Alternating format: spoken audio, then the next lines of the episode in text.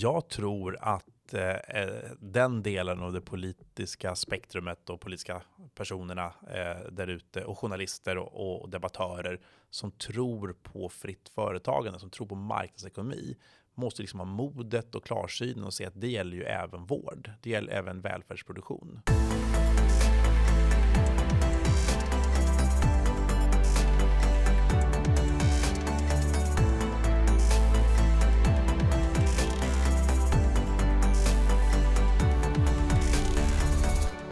Klas Tikkanen är rugbyspelare, MMA-fighter och riskkapitalist. Han har bott och jobbat över hela världen, tagit sig igenom motgångar och framgångar på vägen till rollen som COO för Nordic Capital. Idag gästar han uppskattat en podd från Skattebetalarna. Varmt välkommen Klas. Tack så mycket, tack. Väldigt trevligt att ha dig här. Eh, till att börja med får jag fråga, är du fortfarande rugbyspelare och MMA-fighter? Eh, eh, det går väl i vågor. Just nu eh, eh, ligger kampsporten nere och jag börjar spela touch rugby istället som är en mildare form av rugby med utan tacklingar. Men har filat på en comeback med, med kontakt också. Ah, spännande, spännande. Så det, det är inte paddel alltså? Nej, det är inte paddel. Nej, det var inget fel på paddel. Det verkar kul. Men, men jag, jag, jag föredrar eh, när det smäller lite. Ja, kul. Och det är någonting man har tid med, även om jag misstänker att du har ganska bråda dagar på ditt arbete. Eh, ja, men livet är ett pussel. Mm. Eh, så är det. Det gäller att prioritera. Eh, jag har haft med åren förmånen att ha råd att ha lite hjälp med hushållstjänster och sånt. Och då frigörs tid. Och sen har jag haft eh, kul att barnen har velat delta i många av sporterna. Och då, då får man ju liksom en naturlig sätt att umgås med dem när de blir lite äldre. Ah, smart, smart. Och du har tagit dig tid att komma hit också. Mycket glädjande. Eh, eh, ekonomichefen Kalvi från Rovaniemi, Rovaniemi i finska Lappland träffar sjuksköterskestudenten Mullenäs. är det rätt uttalat? Eh, Nej. ja, jag tror det finns eh, Moleners säger hon. Moleners. Ja. Men de träffades på en dans i Addis Abeba och in, där inleddes en relation som skulle leda till att du föds på ett militärsjukhus i Addis Abeba 1970. Ja, det stämmer. Ja, stämmer. Och sen är du uppväxt i Egypten. Eller förlåt, i, i, i Etiopien. Eh, ja, eh, delvis i Etiopien, eh, mm. delvis i Kenya och delvis i Täby kyrkby här norr om Stockholm. Oj, hur, hur, när kom du till Sverige? Eh, jag har bott i Sverige några omgångar tidigare, men permanent sedan jag var 14. Permanent sedan 14. Då, för jag misstänker, jag träffade en kompis här en veckan och, och från många som har, har, är uppväxta helt eller delvis utomlands så, så brukar man missa en hel del av sådana här kulturella referenser som vilka tv-program som gick under 70 80-talen så fanns det bara två kanaler. Så att, men du kom hem lagom tid till mitt favoritprogram Baggan började alltså så att du, du kan åtminstone den här populärkulturen från där. Ja, ungefär där. Eh, och även musik och sånt. Eh, det finns ju mycket tidigare svensk musik som jag har missat. Mm. Och även svensk geografi. Det läste man året innan jag kom. Så ah. att, eh, jag kan ibland ha lite svårt att hålla rätt på svenska städer och landskap och sådär. Men lär, man lär sig med åren när jag åker någonstans och så sitter det oftast kvar sen. Just det. Nej, för det brukar bli en del sådana svarta hål. Ja. Eh, och just de här referenserna som många kan. Liksom. Vilse i pannkakan, hade ingen aning om vad det var. Jag kunde liksom googla det i modern tid. Jag kan säga att du kan vara trygg med att du missade inte särskilt mycket där. Kom det här med tid till bagen har du inte gått miste Det är Beppes godnattstund, men den sändes senare. Eh, sen gick det några år, du började plugga på parallellt, eh, läsa på Handels och studera mm, eh, matematik och fysik på KTH om jag har eh, researchat rätt. Ja. Eh, ja, väldigt ambitiöst. Vad hade du för ambitioner förutom att begrava dig i böcker under din studietid? Ja, jag hade min dåvarande flickvän, sedermera min fru Anna. Mm. Eh, hade så mycket kompisar kvar, umgicks mycket med gymnasiekompisar även genom studietiden. Eh, alltid sportat mycket. Um, aldrig haft några liksom hobbys förutom, förutom sport. Mm, mm. Och så har jag alltid varit väldigt intresserad av politik. Jag har aldrig engagerat mig med mer följt politik. Och... Ja, ett, ett brett samhällsintresse. Mm. Och siktet var inställt att följa i pappas fotspår och bli ekonomichef eller hade du andra ambitioner från början?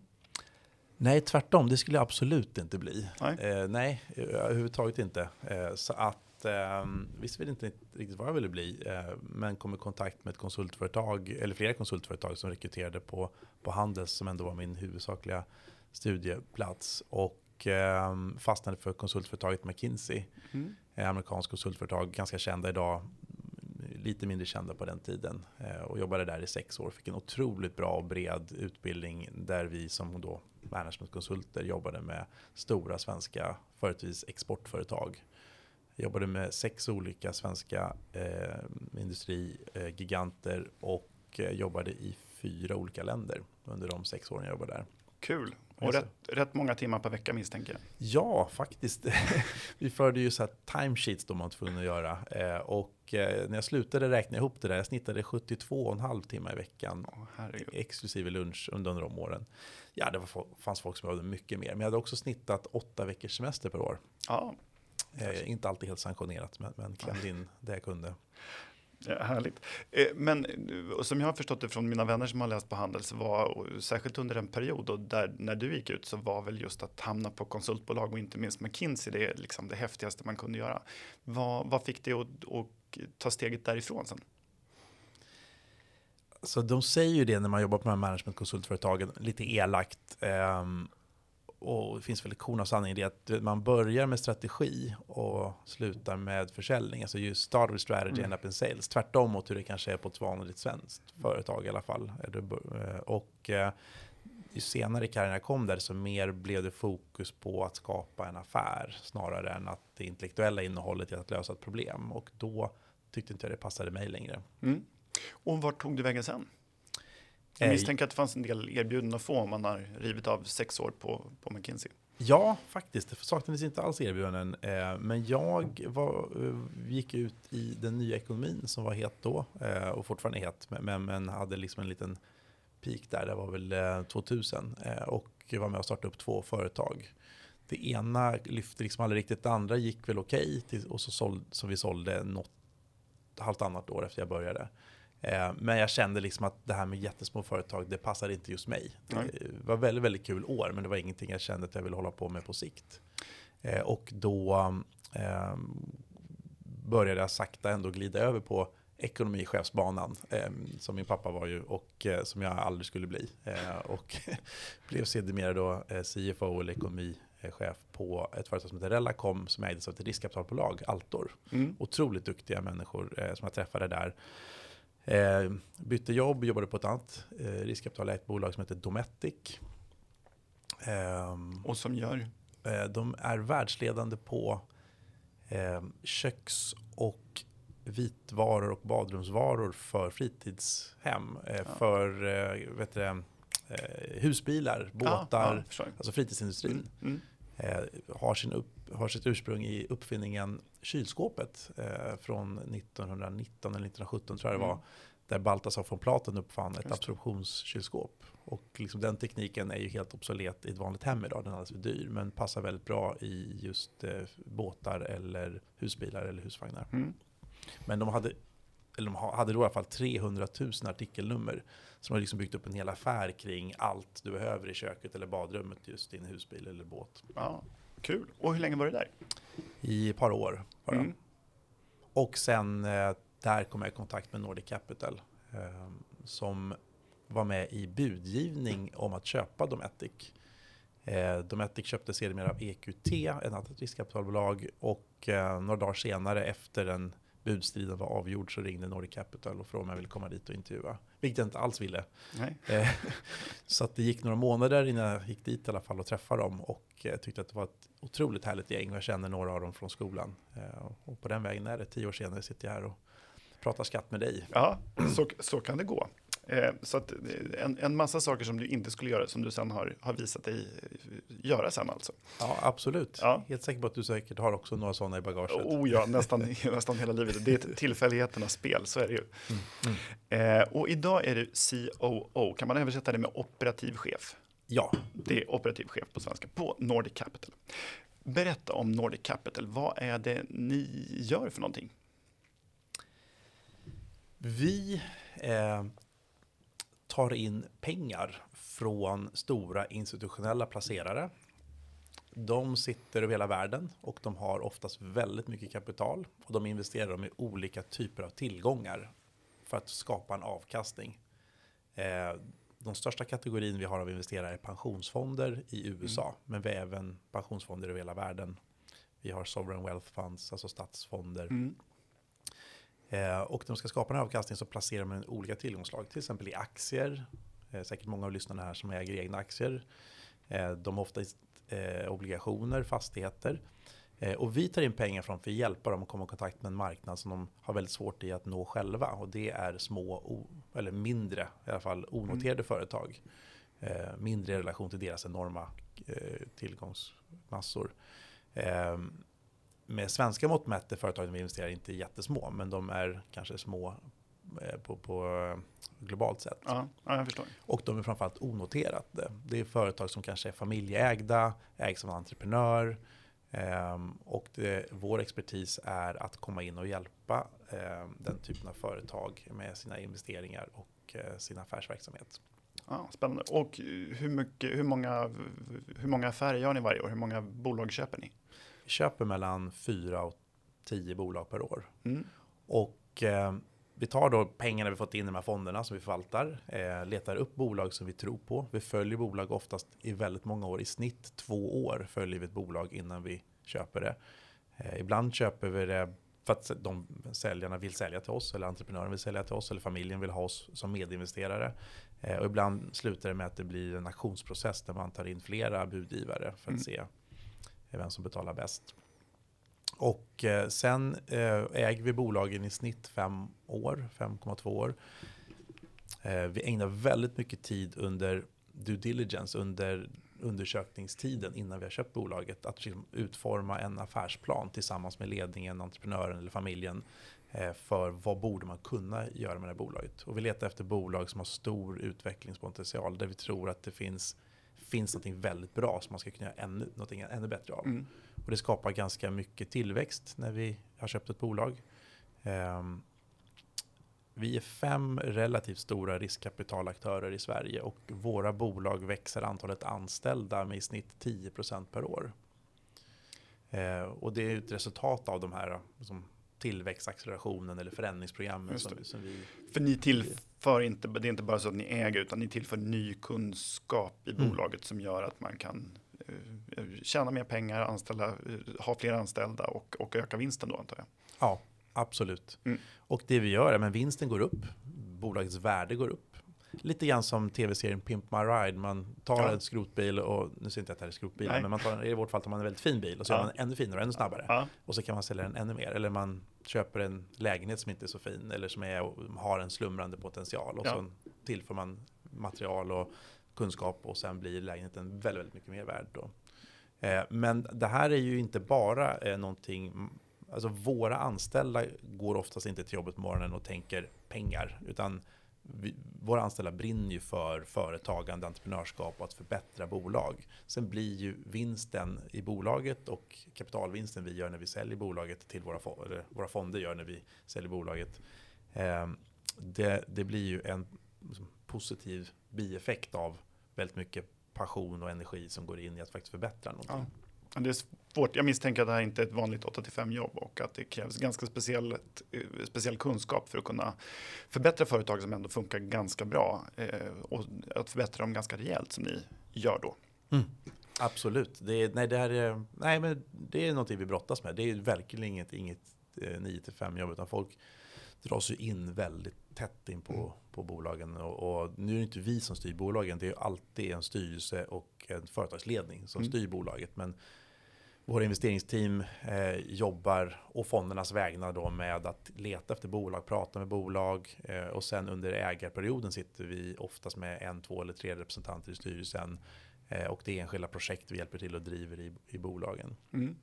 Hur, om ni, hur många bolag var det ni köpte varje år? Ett tiotal? Ja, upp till 10. Upp till 10. Eh, mellan 4 och 10. Hur många tittar ni på varje år? För det måste vara många som inte passerar nålsögat som antingen är svåra att hjälpa eller... Det är många, många hundra. Vi, ja. det, jag har inte en statistik på det. Sist, en, jag tittade ett år bara, då var det 600 bolag vi svepte igenom. Men i riktig due diligence, som det heter på svengelska, mm. när man liksom är ganska djupt in i bolaget och rotar runt och tittar på finanserna, intervjuar folk, pratar med ledningen eh, så är det mellan 40 och 80 per år. Ja. Ja, det är ju rätt många. Och uh, ni och den övriga riskkapitalbranschen, hur, hur, hur stora är ni i Sverige? Hur mycket, hur mycket ägs i riskkapitalbolag? Eh, vi motsvarar ungefär 8% av BNP. Det är väl ett ganska bra sätt att... Att, bes att beskriva storleken ja, på riskkapitalbolag. Och ungefär 7% av alla privatanställda i Sverige Ja. Och räknar man med offentligt anställda så står det för ungefär 4-5 procent av alla anställda i Sverige. Och det är hela riskkapitalbranschen då? Egentligen finns det inga bra mått på Nej. hela branschen, Nej. för det finns så mycket mindre affärsänglar och ja. andra, utan nästan all statistik som finns, det är fem relativt de, stora. De stora. Det är vi, EQT, Altor, Segula och, och Triton som lassar in statistik till ja, riskkapitalföreningen. Och ibland några fler beroende på undersökning. En annan intressant faktum är det är ungefär 8% av BNP då, men vi har också haft Copenhagen Economics titta på en tioårsperiod hur mycket BNP-tillväxt skapar vi och under den perioden skapade vi eh, en sjättedel eller 17 procent av jäklar. all BNP-tillväxt i Sverige. Så att eh, vi är betydelsefulla för, för svensk ekonomi och det är vi för övrigt för, för, för eh, världsekonomin också. Eh, hur länge, vad gör ni när ni säljer bolagen? Varför säljer ni dem när ni är, är färdiga? Är ni liksom, familjen Wallenberg pratar ju ofta om att Investor de har ett långsiktigt ägande. De ska äga i under, en, under åtminstone en livstid. Och så. Men ni säljer bolagen. Varför gör, man, varför gör man det? Vi har mycket högre avkastningskrav och vi utlovar en mycket högre eh, ett mål för avkastningen för våra investerare. Det finns och det uppnår vi genom att vi är en annan typ av ägare som är väldigt intensivt aktiv under en kortare period. Mm. Det här med att äga ett bolag som genererar en börsliknande avkastning under 20 år. Det finns andra ägare som kan göra som bättre än vi. Och det är inget fel på det. Vi, vi liksom, det finns många olika typer av ägare som passar i olika faser i ett bolags mm. liv. Eh, och vi passar i just den här tillväxtaccelererande fasen när man hittar ett bolag med slumrande potential. Och då är det faktiskt ganska bra att ha en begränsad tidshorisont. Det skapar en viss disciplin hos oss och mm. även hos företagsledningen. Eh, att liksom göra saker. Det här är oftast svåra beslut, modiga beslut. Det, man tar en risk att öppna en ny fabrik, att gå in i en ny marknad, att stänga ner någonting kan vara mm. väldigt smärtsamt och öppna upp något nytt som kan blomma bättre. Eh, och de här smärtsamma besluten eh, fattas lättare under viss tidspress. Mm. Och nu ska vi komma ihåg att det här är inte kvartalskapitalism. Vi pratar ändå om en snittägarperiod på fem år. Eh, kan du, för att ge lyssnarna några exempel, kan du nämna några bolag ni har ägt? Ja, kan väl nämna eh, Nordnet, eh, ett favoritexempel mm. eh, i närtid, där, där vi och framförallt eh, en, av våra, en av mina medarbetare och kollegor som heter Christian Frick, eh, som ansvarar för våran financial services eller finansiella tjänster sektor, har varit i kontakt med familjen Dinkelspiel och, och, och inte minst Tom Dinkelspiel under ganska många år ehm, och pratat lite grann om hur det går för Nordnet och vi har ju sett en hel del saker vi skulle vilja eh, eller tycka att de skulle kunna ändra på hur de jobbade. Jag tror även eh, många i familjen tyckte att man kunde göra saker annorlunda. Eh, och någonstans fick de förtroende för att vi kunde hjälpa till eh, och att vi kunde tillföra någonting som, som de inte hade och de har ju sannerligen saker vi inte mm. har. Ehm, och eh, vi eh, hjälpte dem, eh, för Nordnet var börsnoterat då, Eh, till en del. Så familjen ägde en, en stor kvalificerad majoritet men en, en, minoritet eh, var på börsen. Och den delen köpte vi ut från börsen, tog in det här i en privat miljö där man kanske vågar göra saker då som, som är lite svårare och smärtsammare att göra i ett bolag. Eh, ett år efter vi hade köpt det hade vinsten gått ner med 75 procent. Och det är ju för att vi stoppade in väldigt mycket nya saker, nya medarbetare. Eh, vi investerade i programmerare, i ny teknik. Eh, gjorde liksom en, en, vi och familjen gjorde en stor omstöpning mm. av bolaget. Och det finns inget börsnoterat bolag i världen som, som klarar en börs, liksom ett, ett vinstfall på 75 procent. Eh, men det här gjorde vi för vi vet ju att vinst, liksom, vinsterna kommer gå upp sen. Det kommer ja. att gå bättre senare. Eh, och så spolar vi fram bandet i 3-4 år. Eh, bolaget är i fantastiskt skick. Det, det, är ju helt klart, tycker vi i alla fall, ja, Skandinavien-ledande, om inte världsledande på, på den här typen av online banking och aktiehandel och så som många av deras eh, jättemånga pr privatkunder använder sig av. Och eh, och så börsnoterade vi våran andel mm. igen. Familjen ligger kvar, äger sin andel kvar. Eh, men ett bolag som är värt mycket, mycket mer. Eh, faktum på, på, på tre och ett halvt år så, så ökade värdet med tre och en halv gånger. Åh oh, jäklar. Men det, tre och en halv gånger, de pengarna, eh, familjen blir då mer förmögen. Eh, vi, eh, våra fonder blir mer värda. Det går tillbaks eh, betydande vinster då till, till våra andelsägare, våra passiva investerare, pensionsfonderna, pensionärerna, eh, vilka de nu är över hela världen. Eh, men in, inte förglömma, bolaget är ju mycket bättre. Mm. Det är, bolaget det är ett mycket bättre bolag idag och kommer klara konkurrens mycket bättre, har anställt många medarbetare och har växt. Det, för, för man, I debatten så låter ju, jag när du förklarar så hör man ju att det här, ni fungerar som en slags möjliggörare för att förverkliga den potential som ligger i företag som inte är fullt ut utnyttjad. Och det är bra för er, det är bra för de som eh, har övriga ägarintressen i bolaget och för de anställda.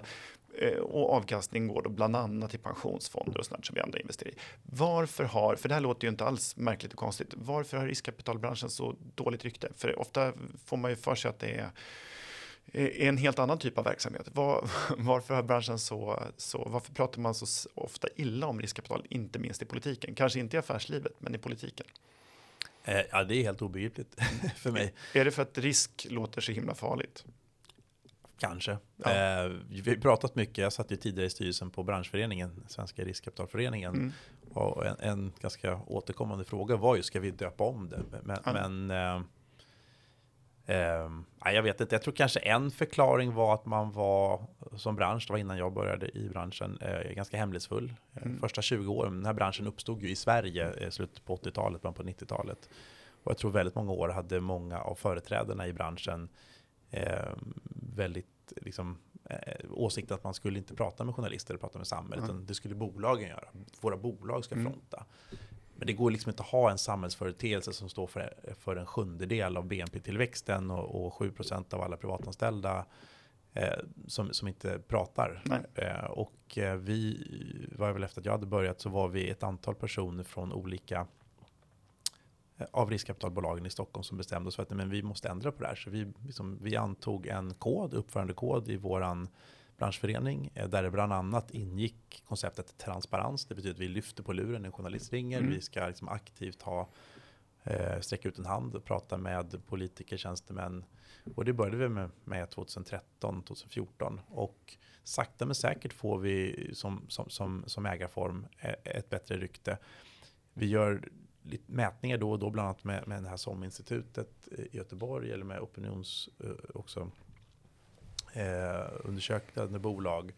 Och vi har ju gått ifrån att ha ganska låg score, så net promoter score, eh, till att ligga ungefär i paritet med stora svenska företag och banker idag. Mm, mm. När man mäter, inte bland den breda allmänheten, men när man mäter bland eh, företagare, eh, aktörer på finansmarknaden, politiker och tjänstemän och eh, journalister. Det är de grupperna mm, vi mäter mm. i och där ligger vi numera i linje med ändå mm. med andra viktiga företags former. Det är mycket svårare att avsky någonting man känner till någonting om. Det ja, men faktiskt. Så vi gör ju bra grejer. Ja. Det finns någon nidbild av att inte göra det.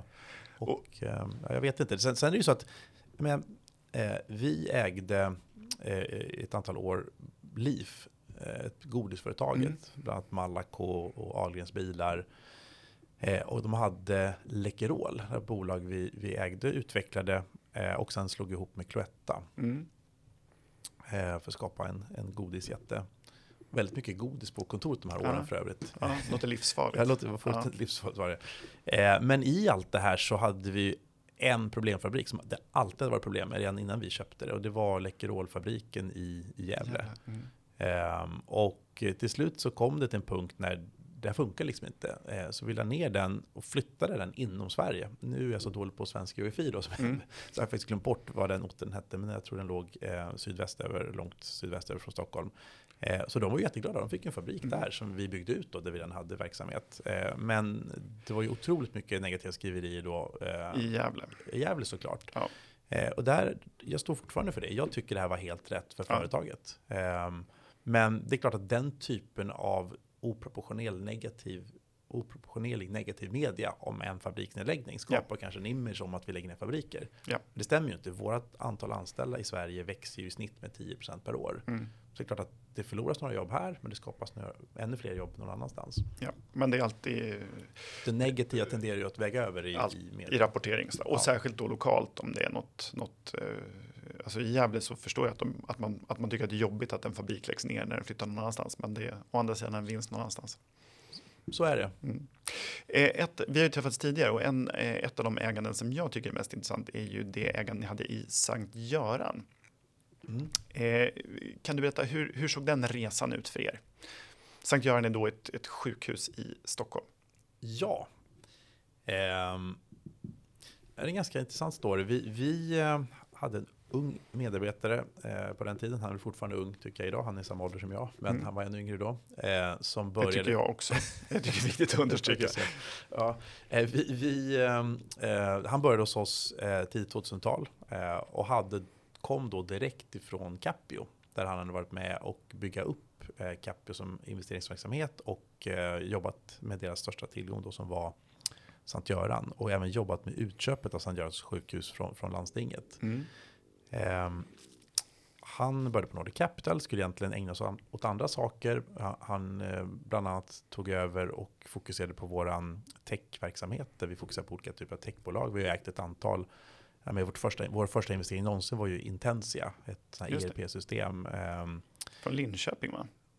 Det kanske det var faktiskt. Men jag, tror, jag tror det var ett studentskämt, en kompis brorsa som pluggade där. Skämtet var att det från början inte hette Intensia utan Intentia, ja, för att de var så fattiga från början. just det, ja, men den har jag faktiskt hört internt ja. också. Eh, igen, svensk UFI. Men, mm. men, men eh, ja, så att Guide, eh, konsultföretag, var ägt. Så att han kom in och skulle fokusera på det egentligen. Eh, men kunde liksom aldrig släppa det här med, med Sankt Göran och Capio. Han tyckte det var ett sånt fint bolag. Och, och sedermera eh, lyckades få med sig de andra eh, på Nordic Capital eh, och få fonderna att köpa Capio. Och det här gjordes 2006. Mm. Då klev vi in som ägare och det var väl tror jag 5, 6, 7 år efter att Sankt Göran hade blivit privatiserat. Om jag minns rätt nu. Och vi ägde det i nio år. Tills det börsnoterades 2015. Mm. Sen ägde vi fortfarande aktier fram till 2017. Så det en 11-årig total ägarperiod. Eh, och under de här åren så fortsatte vi och hjälpte till att accelerera Capios utveckling av Sankt Göran och även andra eh, både primärvårdscentraler, alltså vårdcentraler och, och sjukhus i Sverige eh, och utomlands. Och byggde upp en, en eh, ja, en paneuropeisk sjukvårdskoncern. Mm. Och, och, hur gick det? Handlar det om att eh, snabba på operationerna och slarva, slarva sig igenom kirurgin eller finns det något annat sätt att tjäna pengar i den här branschen? Jag vågar hävda att det är det säkra sättet på att inte tjäna pengar. Eh, och, och, olika länder ser, ser, olika ut, men patienterna kommer inte komma om du är sämst. Liksom. Eh, och sen har ju olika länder olika typer av kvalitetssystem och kvalitetskontroll. Sverige har ju väldigt strikt kvalitetskontroll. Stockholms, Stockholms läns landsting är ju väldigt duktiga på att följa upp och mäta kvalitet. Och det finns ju publik data och den datan som jag visade upp i Budapest när vi mm. träffades eh, var ju plockad rakt ur landstingets databaser. Just det. Och vad hände? Du behöver inte ge exakta mått, men, men hur, vad hände under ert ägande? Vad, vad var det ni åstadkom som gjorde, eh, som, som gjorde skillnad? Eh, en sak var att eh, det var några medarbetare på, på Sankt Göran just som hade varit på The Mayo Clinic i USA mm. och sett där att de hade mer jobbat efter börjat jobba efter Toyota-metoden, mm. lean, lean manufacturing-metoden. Eh, det låter helt sjukt att, att eh, liksom behandla operationer och patienter och så, så som bilar på, på, på ett band. Yeah. Eh, men, men, det här var ändå någonting som verkade funka där. Mayo Clinic anses, ansågs då och anses fortfarande vara ett av världens absolut bästa sjukhus. Eh, ligger i USA. Och eh, slutade med att en delegation från Capio, Sankt Göran och Nordic Capital var, var i Japan och hälsade på Toyota och liksom lärde sig det här ganska ingående. Eh, man anlitade konsulter och började liksom titta och, och så att det här var ju verkligen någonting. Mm. Och logiken är väldigt enkel. Istället för att fokusera på bara på vårdögonblicket, vilket svensk sjukvård Svensk sjukvård är väldigt, väldigt bra när du väl ligger under kniven eller ja. sitter och får ett recept med piller med ganska hög precision. Vi har bra läkare. Um, men, men, men, vi är väldigt, väldigt dåliga och var väldigt dåliga och vi är fortfarande väldigt dåliga inom landstingen på flödet av en patient. Från det att du får ett symptom tills det att du sitter på jobbet och är frisk. Ja. Eh, och det Lin gjorde, det var liksom fick hela sjukvården inom då Sankt Göran och andra ställen inom Capio och fokusera på patienten som hur, fokusera på det. Det är, som ett, det är som ett virtuellt flöde av en patient. Mm. Och fokusera på hur är det att ha kontakt med sjukvården? Hur är det att få access till en läkare? Hur är det när du kommer in på sjukhuset? Um, och så fokuserar man på att dels minimera tiden för allt det här. Det är bättre för samhället om de blir frisk fort. Ja. Uh, det är bättre för sjukvården. Det blir också billigare sjukvård. Ja. Det visar att det är väldigt kostsamt att ha folk liggande i korridorer. Och, mm. och väntandes. Ja, och dåligt för, för alla egentligen. Och sen uh, jobbar man också väldigt mycket med bottom-up feedback. Så att uh, alla i ett flöde, inte läkarna för sig, sjuksköterskan för sig, undersköterskan för sig, utan alla i ett flöde sammanträder varje dag och lite mer en gång i veckan och lite mer en gång i månaden. Så pratar man om vad gick dåligt igår? Vad ska vi göra annorlunda idag? Och hur ska vi förbättra oss? Och så mäter man hela tiden hur, hur, hur det går. Mm. Och eh, det här typet, sättet att arbeta har ju varit en, en pangsuccé. Ett exempel, eh, höft och eh, knäoperationer. Där var Sankt Göran först i Sverige på att ta in titthålskirurgi. Mm. Det fanns ju väldigt stort motstånd både från Socialstyrelsen, om jag förstått det rätt, och framförallt från andra sjukvårdsinrättningar, så det kommer inte funka. Eh, och tack vare det så lyckades man minska kostnaderna på operation med 17% Man minskade vårdtiderna med flera veckor. Ehm, och det gjorde att landstinget i Stockholm kunde parera en volymökning på 16% under tre år. Ja. Det blir, vi får en åldrande befolkning. Ja. Och eh, fler och fler den här typen av operationer. Vi får en aktivare befolkning högre upp i åldrarna. Det gör att det blir både skador och slitage som gör att man måste byta saker. Eh, i kroppen. Och eh, volymerna ökar, men tack vare att man blev effektivare så har kost, ökade kostnaderna inte för landstinget. Eh, det finns jättemånga sådana exempel. Och du visade vi sågs, det kan ju inte våra eh, lyssnare se, men, men jag såg att era eh, både kvalitet och, och eh, tider gick ner på alla områden och ni låg bättre än snittet för landstinget eller ja. alla landsting på alla parametrar som mäts av landstinget, inte bara av er utan av landstinget. Det är tvärtom. Vi, all, all data Capio använder nästan nu, som, i alla fall sist jag var där för några år sedan. Och det var, jag var där efter att jag har sålt det, för jag tycker det är så fascinerande case. Mm. Eh, är ju landstingsdata. Och, eh, jag, och det jag visade upp där i Budapest när vi sågs ja. eh, första gången, det var det jag plockade ut då ur, ur landstingets databaser en jämförelse med vad de två svenska landstingssjukhus, förlåt, de två Stockholmssjukhusen som är mest lika ja. i vårdprofil. Eh, till exempel Karolinska sjukhuset är ju helt annorlunda. Mm. Eh, men, men, Ett universitetssjukhus till exempel. Ja, mm. exakt. Eh, Danderyds sjukhus och SÖS är väl mest jämförbara i mm. Stockholm, tror jag de flesta skulle säga, med, med eh, Sankt Göran. Och så jag slog ihop SÖS och Danderyd som en som virtuell enhet och så jämförde då det med, med, med, med Sankt Göran. Och Sankt Göran var ju bättre på alla parametrar. Mm. Och för övrigt varenda parameter du kan mäta. Ehm, och, och sen tittade jag även på, liksom försökte på något sätt se, kan man mäta produktivitet? Det finns ju produktivitetsstudier som är väldigt vetenskapliga och väldigt djupgående. Men jag tycker nästan alla landar fel. De mäter liksom bara produktiviteten på en ganska smal grej. Och då kommer man ofta fram till att Capio och Sankt Göran är 7-12% bättre. Mm. Men jag tittar på det så tittar jag istället på liksom tog ett steg tillbaka och tittade på hur skulle jag titta på en investering? Hur skulle ja. jag som investerare titta på ett bolag? Eh, och då tittade och konstaterade, jag började med att titta på, okej, okay, vad är priset för landstinget? Ja. Och, och den här datan är ju då från 2017 vill jag säga, jag har inte mm. gjort om studien. Eh, men då finns det något som heter DRG-poäng, det är en standardiserad eh, vårdtyngd. Eh, och en viss typ av operation och ett visst antal poäng. Och så multiplicerar man det med priset per poäng. Då får du hur mycket får sjukhuset både SÖS eller Sankt Göran ja. betalt. Och då är det så att en DG-poäng kostade för de här eh, SÖS och Danderyd 41 000 kronor 2017 och för Sankt Göran 36. Oj. Man har alltså pressat priset mer då på Sankt mm. Göran än på sina egna sjukhus. Och det är alltså 12 procent skillnad. Ja. Och då kan man ju tycka, ja men då måste ju Sankt Göran vara 12 procent bättre Sämre. då. Ja. Eller, Eller sämre. Nej, fast Eller, bättre. bättre. I, om de har högre kvalitet. Ja, för vi börjar ja. bottenplattan är att kvaliteten ja. är bättre. Ja, kvaliteten är bättre. Ja, kvaliteten är bättre, så då... Och priset är lägre. Vid, vid konstant kvalitet, vid samma kvalitet, så skulle de ju vara 12% bättre mm. om priset är lägre. Nej, men de kanske går med brakförlust. Mm. Nej, nej, de går med 7% vinst. Det är inte Sankt Görans sjukhus specifikt, utan det är hela Capio. Mm. Det finns inte data just för sjukhuset, men ja, man får väl anta att... Ja. Jag antat, ja. Så det är 7%. Och SÖS och Danderyd gick med 13% förlust. Ja. De här förlusterna måste ju landstinget täcka upp. Ja. Det är ju en kostnad för landstinget ja. utöver DRG-betalningen. Så där är det 20 procent, minus 13 och plus 17. Och då är det 20 plus 12, som jag sa nyss, då är det uppe i 32 procent bättre. Eh, och ska man då tänka, ja men de fuskar, de har, de har mycket lättare jobb. Ja, det är en, en vanlig grej. Men de mäter, finns något som heter vårdtyngd då, eh, som man mäter per, i snitt per, en, per, eh, per utfört vårdtillfälle. Och då ligger Sankt Göran på 0,96 medan SÖS och Danderyd ligger på 0,90. Så där är då, man gör allt det jag sa nu trots att man har 7% tyngre. Ja. Så då är du uppe i 32 plus 7, du är uppe i 39% bättre. Och sen på det kan man ju lägga mer subjektiva faktorer, ändå ganska hårda parametrar. Ja. Och jag tycker ändå en faktor man ska väga in, för det finns också en myt om att ja, men, då driver man personalen ja. in i väggen.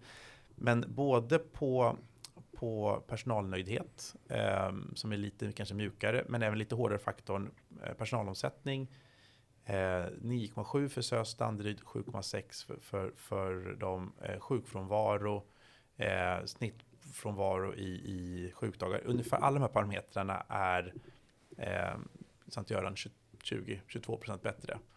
Kanske man kan lägga på det på de 39, du är uppe i ja, eh, uppåt 60% bättre. Då. Sen, sen, och så här höll jag ju på då. Och det här, sen kan ju då en forskare säga att du kan inte bara slå ihop alla de här. Nej. Då säger jag varför inte. Eh, och på det ska man kunna lägga patientnöjdhet. Patienterna är i snitt 20% nöjdare när de går ut från Sankt Göran än SÖS och Danderyd.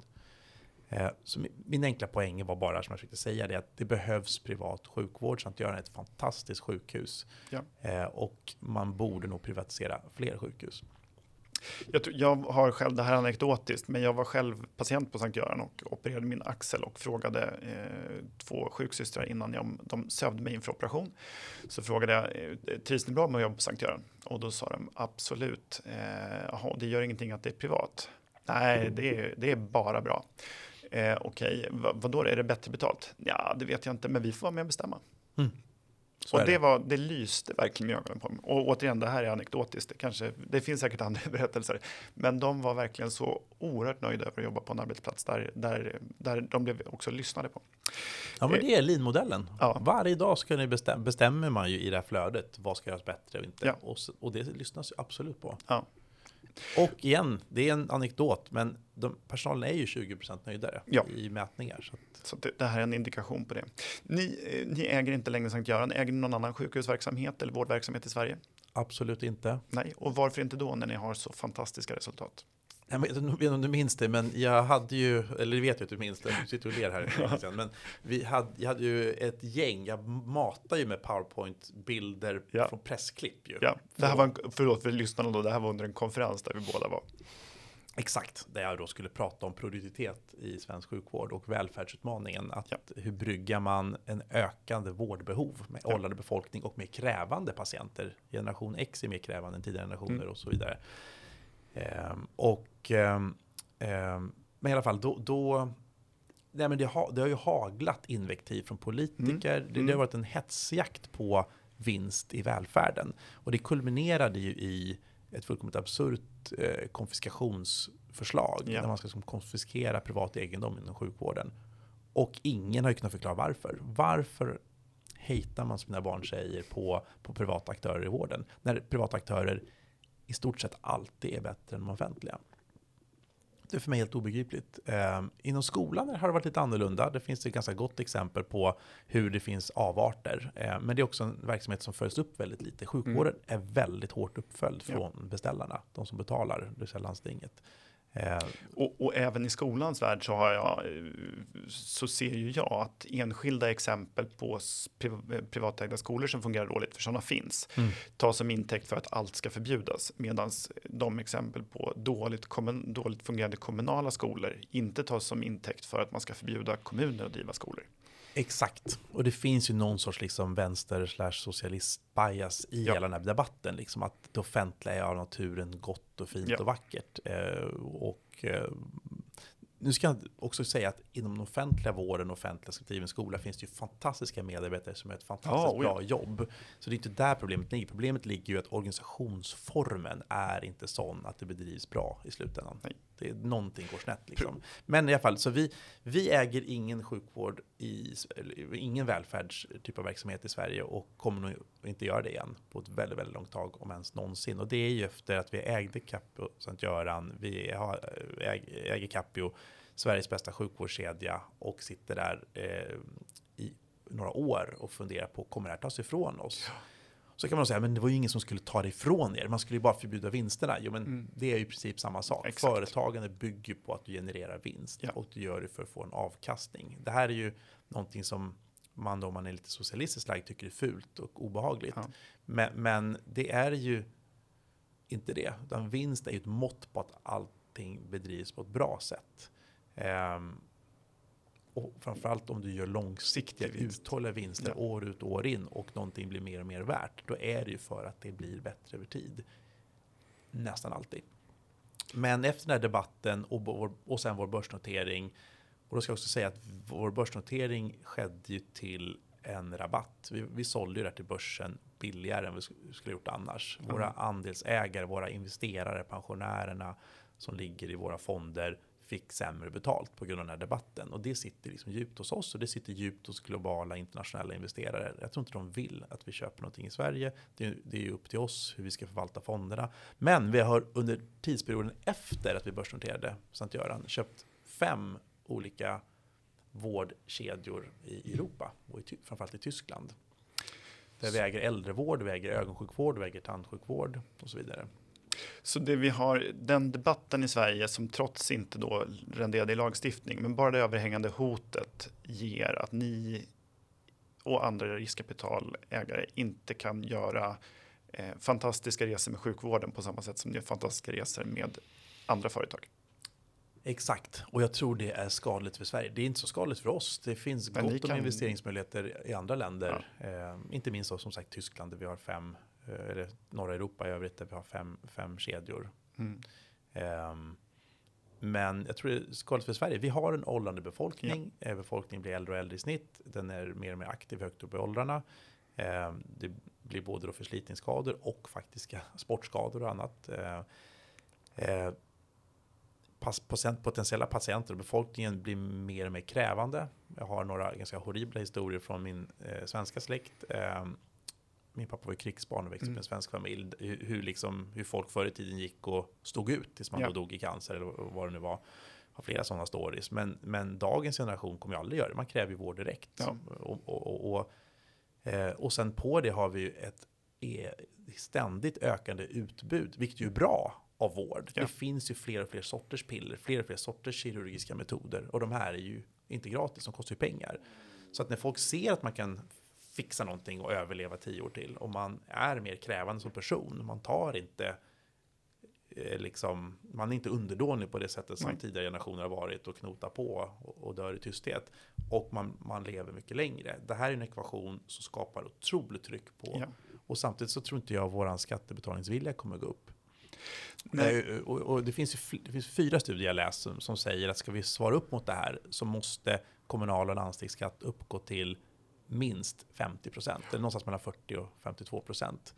Och det tror jag inte någon då, politiker kommer få igenom. Och hur klarar man då det här? Jo, produktivitet. Mm. Eh, jag menar ju då med de här enkla siffrorna och lite mer makroperspektiv på, på, på, på vårdsiffrorna som jag nu läste upp, att, att Sankt Göran är 50 ish ja. bättre.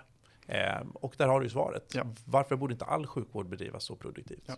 Och det är mycket märkligt att debatten ser ut som den gör när siffrorna talar ett så tydligt språk. Mm. Ja, vi tittade på tillsammans med Nima Sandandaji för några år sedan om, om förlusterna i välfärden, för det pratas väldigt ofta om vinster som att det vore ett problem.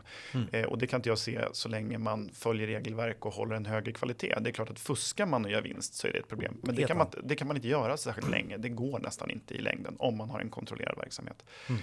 Eh, men däremot så finns det i offentligt driven vård och skola ganska omfattande förluster som rullande täcks upp så att det finns en, en skev bild av att vården i offentlig sektor är faktiskt billigare än vad det egentligen är eftersom många rullar underskott. Mm. Vi gjorde efter den rapporten till exempel så, så mm. Eh, försökte vi få ut de hemligstämplade, tror att det var i Västernorrland, hur stora underskotten verkligen var. Eh, mm. och likaså i Skåne vill jag minnas. Så det här är ett enormt problem. Jag kom ihåg den rapporten faktiskt. Ja, ja precis. Den, det är en väldigt bra rapport. Är roligt att se. Tyvärr tycker jag att debatten handlar på, på tok för lite om, om, om just detta. Eh, vi ska börja runda av, för jag vet att du har ett, ett, ett eh, späckat schema. Men vad tror du krävs för att förändra debatten? Eh, ni sitter på siffror och de, de har ju jag också sett. Vad, vad, krävs för att få en större politisk och samhällelig förståelse för att vi, vi behöver ett ökat inslag av privat ägande i vården? Jag tror att eh, den delen av det politiska spektrumet och politiska personerna eh, där ute och journalister och, och, debattörer som tror på fritt företagande, som tror på marknadsekonomi, måste liksom ha modet och klarsynen och se att det gäller ju även vård. Det gäller ja. även välfärdsproduktion. Sen måste man reglera, man måste ha kapitaltäckningskrav, man måste ha ägarprövning eller vad det nu är eh, för att se till att det bedrivs. Marknaden behöver ramar för att fungera. Mm. Men, men inom de ramarna eh, så, så, så, så, fungerar den väldigt, väldigt bra. Ja. Och, och, jag tycker att en alldeles för stor del av det politiska eh, etablissemanget på, på högerkanten är för fega i den här frågan. Jag håller helt med. Jag brukar jämföra det med eh, Trabantfabriker. Det är liksom inte de som arbetade på Trabantfabriker. Det är inte deras fel att det blev dåliga bilar, utan det är ett systemfel som gör mm. att man gjorde ganska dåliga Trabantbilar mm. som ändå efterfrågades eftersom det var det enda som fanns. Mm. Ehm, och, och, vi behöver inte svensk Trabantvård, utan vi skulle ju behöva BMW eller Audi eh, eller Volvo för den delen snarare än, än, än så. Mm. Eh, och jag tror egentligen inte att, att man behöver göra det så mycket svårare än så. Är det någonting man kunde, är det någonting som är så viktigt som sjukvård så borde man verkligen tillåta privata alternativ.